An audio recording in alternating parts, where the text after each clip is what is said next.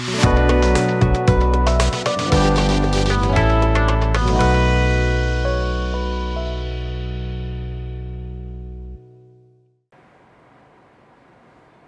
င်္ဂလာပါရှင်မြန်မာပြည်သူပြည်သားအပေါင်းစိတ်ဤချမ်းသာခြင်းကိုယ်ဤကျန်းမာခြင်းနဲ့ပြည့်စုံကြပါစေလို့ PPTV ဖွဲ့သားတွေရဲ့ဆုတောင်းမေတ္တာပို့တာပါတယ်ခုတစ်ပတ်တွင်ဖြစ်ပေါ်ခဲ့တဲ့သတင်းတွေနဲ့ပတ်သက်ပြီးသတင်းကျဉ်းချုပ်ကိုကျမစင်စင်ကတင်ဆက်ပေးသွားမှာဖြစ်ပါတယ်ရှင် ပထမဆုံးသတင်းအနေနဲ့ရာဇဝတ်ကိုင်းတစ်ခုရဲ့တစားကန်တစ်ဖွဲဖမ်းဆီးခံထားရတဲ့နိုင်ငံတော်သမ္မတနိုင်ငံတော်တိုင်ပင်ခံနဲ့နိုင်ငံရေးနဲ့သက်ဆိုင်သူအလုံးရဲ့အသက်အန္တရာယ်ဟာစိုးရိမ်ဖွယ်အခြေအနေဖြစ်နေတယ်လို့ NUG ကထုတ်ပြန်ကြေညာခဲ့တဲ့သတင်းဖြစ်ပါတယ်ရှင်ကျန်းဖက်စစ်ကောင်စီရဲ့တစားကန်တပွဲဖမ်းဆီးခံထားရတဲ့နိုင်ငံတော်သမ္မတနိုင်ငံတော်တိုင်ပင်ခံနဲ့နိုင်ငံရေးနဲ့သက်ဆိုင်သူအလုံးရဲ့အသက်အန္တရာယ်ဟာ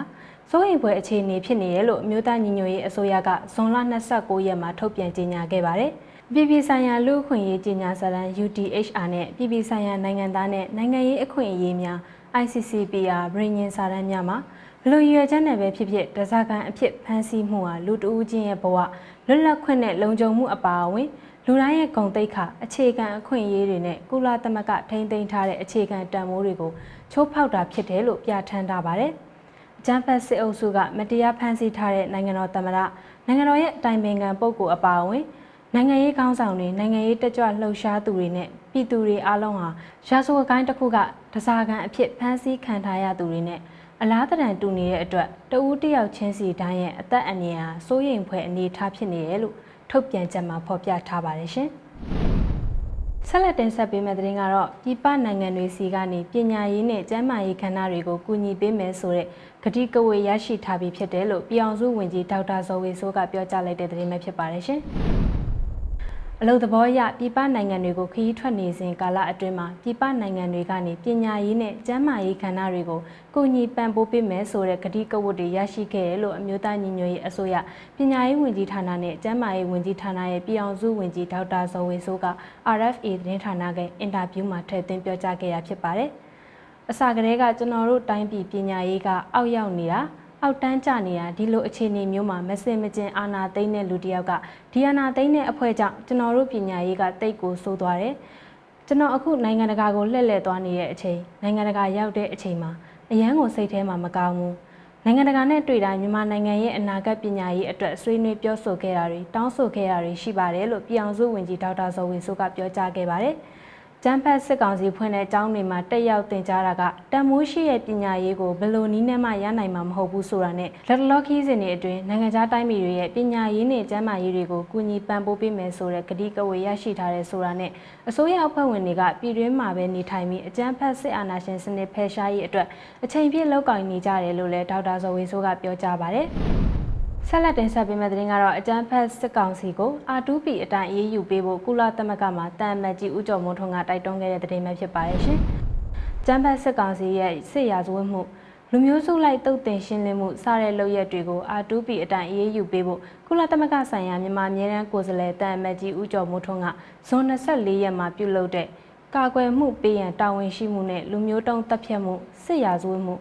လူမျိုးစုလိုက်တုတ်တင်ရှင်းလင်းမှုနဲ့လူသားမျိုးနွယ်စုအပေါ်ကျူးလွန်တဲ့ပြစ်မှုများကာကွယ်တားဆီးရေးဆိုင်ရာဆွေးနွေးပွဲမှာတိုက်တွန်းပြောကြားလိုက်တာဖြစ်ပါတယ်။ကုလသမဂ္ဂလုံခြုံရေးကောင်စီကလက်ရှိမြန်မာနိုင်ငံအခြေအနေတွေနဲ့ပတ်သက်ပြီးကာကွယ်ပေးဖို့နဲ့အကြမ်းဖက်စစ်ကောင်စီကိုပြတ်သားတဲ့အရေးယူဆောင်ရွက်မှုတွေလှုံ့ဆော်မှုတိုက်တွန်းခဲ့ပါတယ်။ကုလသမဂ္ဂလုံခြုံရေးကောင်စီရဲ့ပြတ်သားတဲ့အရေးယူဆောင်ရွက်မှုရရှိဖို့အတွက်အသက်တွေဘယ်လောက်ထိအဆုံးရှုံးနစ်နာပေးရမလဲဆိုတဲ့မေးခွန်းကို မြန်မာပြည်သူတွေကိုစားကုလသမဂ္ဂကိုမေးခွန်းထုတ်ခဲ့ပြီး RFA သတင်းဌာနကဖော်ပြခဲ့တဲ့အကြမ်းဖက်စစ်ကောင်စီတပ်သားရဲ့ဖုန်းထဲကတွေ့ရှိတဲ့ပြည်သူတွေကိုတပ်ဖြတ်ထားတဲ့အချက်လက်တွေကိုဆွေးနွေးခဲ့ပြီးအကြမ်းဖက်စစ်ကောင်စီကိုအပြည်ပြည်ဆိုင်ရာပြည်မှုဆိုင်ရာတရားရုံး ICC ကိုလွှဲပြောင်းမှုအရေးတကြီးလိုအပ်နေရလို့ဦးကျော်မိုးထွန်းကပြောကြားခဲ့ပါတယ်ရှင်။ဆက်လက်တင်ဆက်ပေးမယ့်သတင်းကတော့တော်လန်ရေးကိုပုံဖြတ်တဲ့သတင်းမှားတွေကိုရည်ရွယ်ချက်ရှိရှိနဲ့ထုတ်လုပ်ဖြန့်ချီနေရလို့ မြို့သားညီညွတ်ရေးအစိုးရကထုတ်ပြန်ခဲ့တဲ့သတင်းပဲဖြစ်ပါတယ်ရှင်။ဖက်ဒရယ်ဒီမိုကရေစီပြည်အောင်စုပေါ်ပေါက်လာရေးအတွက်အမျိုးသားညီညွတ်ရေးအတိုင်းပင်ခံကောင်စီ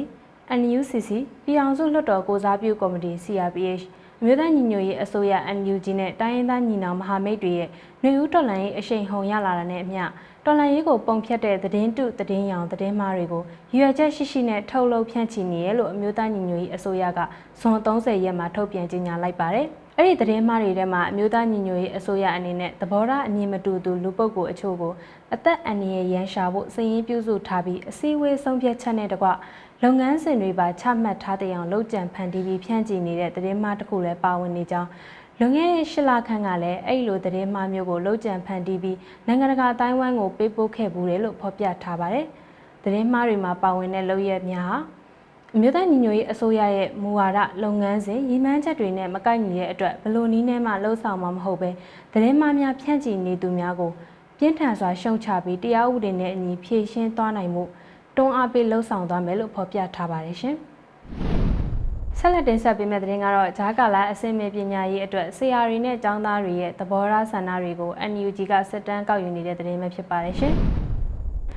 မြို့သားညီညွတ်ရေးအစိုးရကဖော်ဆောင်နေတဲ့ဂျာကာလာအစင်မြေပညာရေးအတွက်ဆရာတွေ၊ကျောင်းသားတွေရဲ့သဘောထားဆန္ဒတွေကိုမြို့သားညီညွတ်ရေးအစိုးရပညာရေးဝန်ကြီးဌာနကစစ်တမ်းကောက်ယူနေပါတယ်။ပညာရေးဝန်ကြီးဌာနရဲ့ထုတ်ပြန်ချက်မှာတော့ဂျာကာလာပညာရေးအတွက်အစင်မြေပညာရေးအဖွဲ့အစည်းအသီးသီးက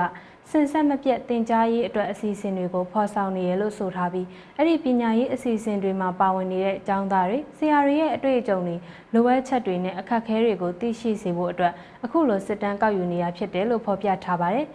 စစ်တမ်းကောက်ယူတဲ့အစီအစဉ်ကိုအမျိုးသားညီညွတ်ရေးအစိုးရပညာရေးဝန်ကြီးဌာနဘာမအကယ်ဒမီနဲ့ຫນွေဦးတက္ကသိုလ်တို့ကပူးပေါင်းဆောင်ရွက်တာဖြစ်ပြီးတော့ပုံမထိရောက်တဲ့ဂျာကာလာပညာရေးအစီအစဉ်တွေဖော်ဆောင်ပေးနိုင်ရေး ပညာသင်ကြားရေးမှာခက်ခဲနေတဲ့ကျောင်းသားတွေလက်လန်းမီစေဖို့နဲ့ Federal ပညာရေးစနစ်တည်ဆောက်ရာမှာကျောင်းသားတွေနဲ့ဆရာတွေရဲ့အတန်တွေပါဝင်ထင်ဟပ်စေဖို့ရည်ရွယ်တယ်လို့လည်းဖော်ပြထားပါတယ်ရှင်။ဆက်လက်တင်ဆက်ပေးမယ့်သတင်းကတော့ Digital မြန်မာကျပ်နဲ့ NUG Pay Mobile ပတ်စံအိတ်ကိုထုတ်ဝေလိုက်ပြီးဖြစ်တယ်လို့အမျိုးသားညီညွတ်ရေးအစိုးရကထုတ်ပြန်ကြေညာလိုက်တဲ့သတင်းပဲဖြစ်ပါတယ်ရှင်။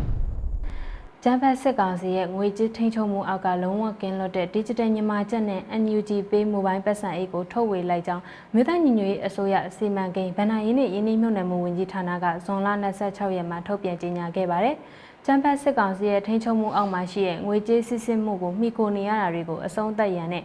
ဆီယနာရှင်စနစ်အမြင့်ဖြန့်ချေမှုန်းရေးအတွက်တိကျလွတ်လပ်ပြီးလုံခြုံစိတ်ချရတဲ့ ငွေကြေးလက်ပတ်မှုရန်နေရာတစ်ခုဖော်ဆောင်နိုင်ရန်ရည်ရွယ်ပြီးမြန်မာကျပ်ငွေနဲ့တန်မိုးတူညီတဲ့ Digital မြန်မာကျပ်ကို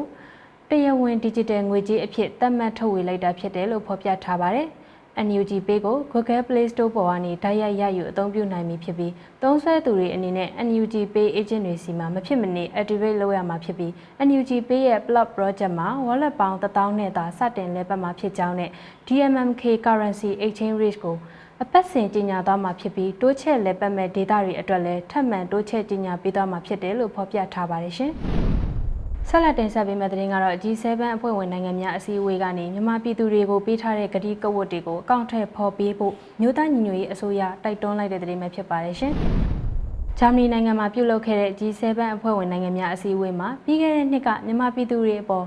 ပေးထားတဲ့ကတိကဝတ်တွေကိုအကောင့်ထဲပေါ်ပေးဖို့အရေးကြီးတဲ့အခွင့်အကောင်းတစ်ရက်ဖြစ်တယ်လို့အမျိုးသားညီညွတ်ရေးအစိုးရကဇွန်လ26ရက်မှာကြေညာချက်ထုတ်ပြန်ခဲ့ပါတယ်။2021ခုနှစ်မှာပြုလုပ်ခဲ့တဲ့ G7 ဖွဲ့ဝင်နိုင်ငံများအစည်းအဝေးမှာကျန်းဖတ်စစ်အုပ်စုရဲ့တရားမဝင်အာဏာသိမ်းမှုအပြစ်မဲ့ပြည်သူတွေကိုမတရားဖမ်းဆီးချုပ်နှောင်မှုနဲ့အကြမ်းဖက်မှုတွေကို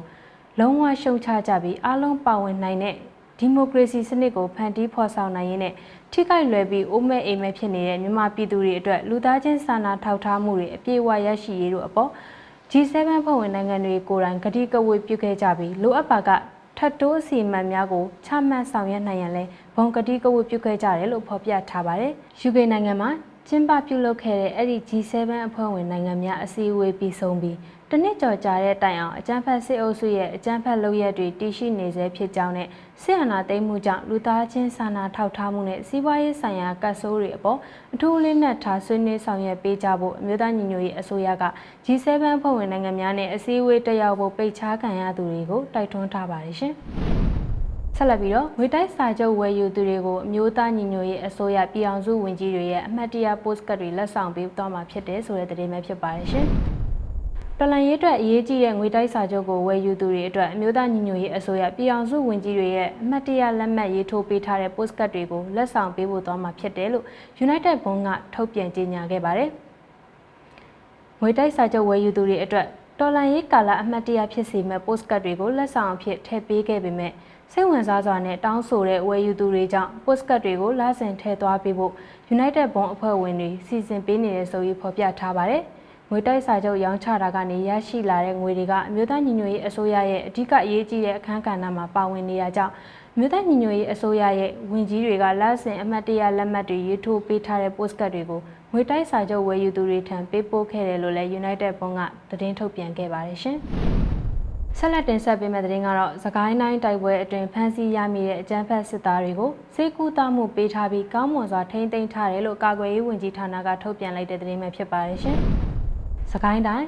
ကတာခရိုင်ဗမောက်မြို့နယ်အတွင်းဖြစ်ပွားခဲ့တဲ့တိုက်ပွဲအတွင်းကနေဖမ်းဆီးရမိတဲ့အကြမ်းဖက်စစ်သားတွေကိုစေကူတာမှုပေးထားပြီးကောင်းမွန်စွာထိန်းသိမ်းထားတယ်လို့အမျိုးသားညီညွတ်ရေးအစိုးရကာကွယ်ရေးဝန်ကြီးဌာနကဇူလိုင်၁ရက်မှာသတင်းထုတ်ပြန်ခဲ့ပါတယ်။ဗမောက်မြို့နယ်အတွင်းမှာ ဇွန်လ30ရက်ကပြည်သူ့ကာကွယ်ရေးတပ်အပါအဝင်မဟာမိတ်တပ်ပေါင်းစုတွေနဲ့အကြမ်းဖက်စစ်ကောင်စီတွေအကြားတိုက်ပွဲဖြစ်ပွားခဲ့တာဖြစ်ပါတယ်။အဲဒီတိုက်ပွဲအတွင်းကျန်းဖက်စစ်ကောင်စီဘက်ကအယောက်20ကျော်တေဆုံးခဲ့ပြီးဖမ်းဆီးရမိခဲ့တဲ့အကျန်းဖက်စစ်ကောင်စီတပ်သားတွေကိုစီးကူးသားမှုပေးပြီးကောင်းမွန်စွာထိန်းသိမ်းထားတယ်လို့သတင်းထုတ်ပြန်ခဲ့တာဖြစ်ပါတယ်ရှင်။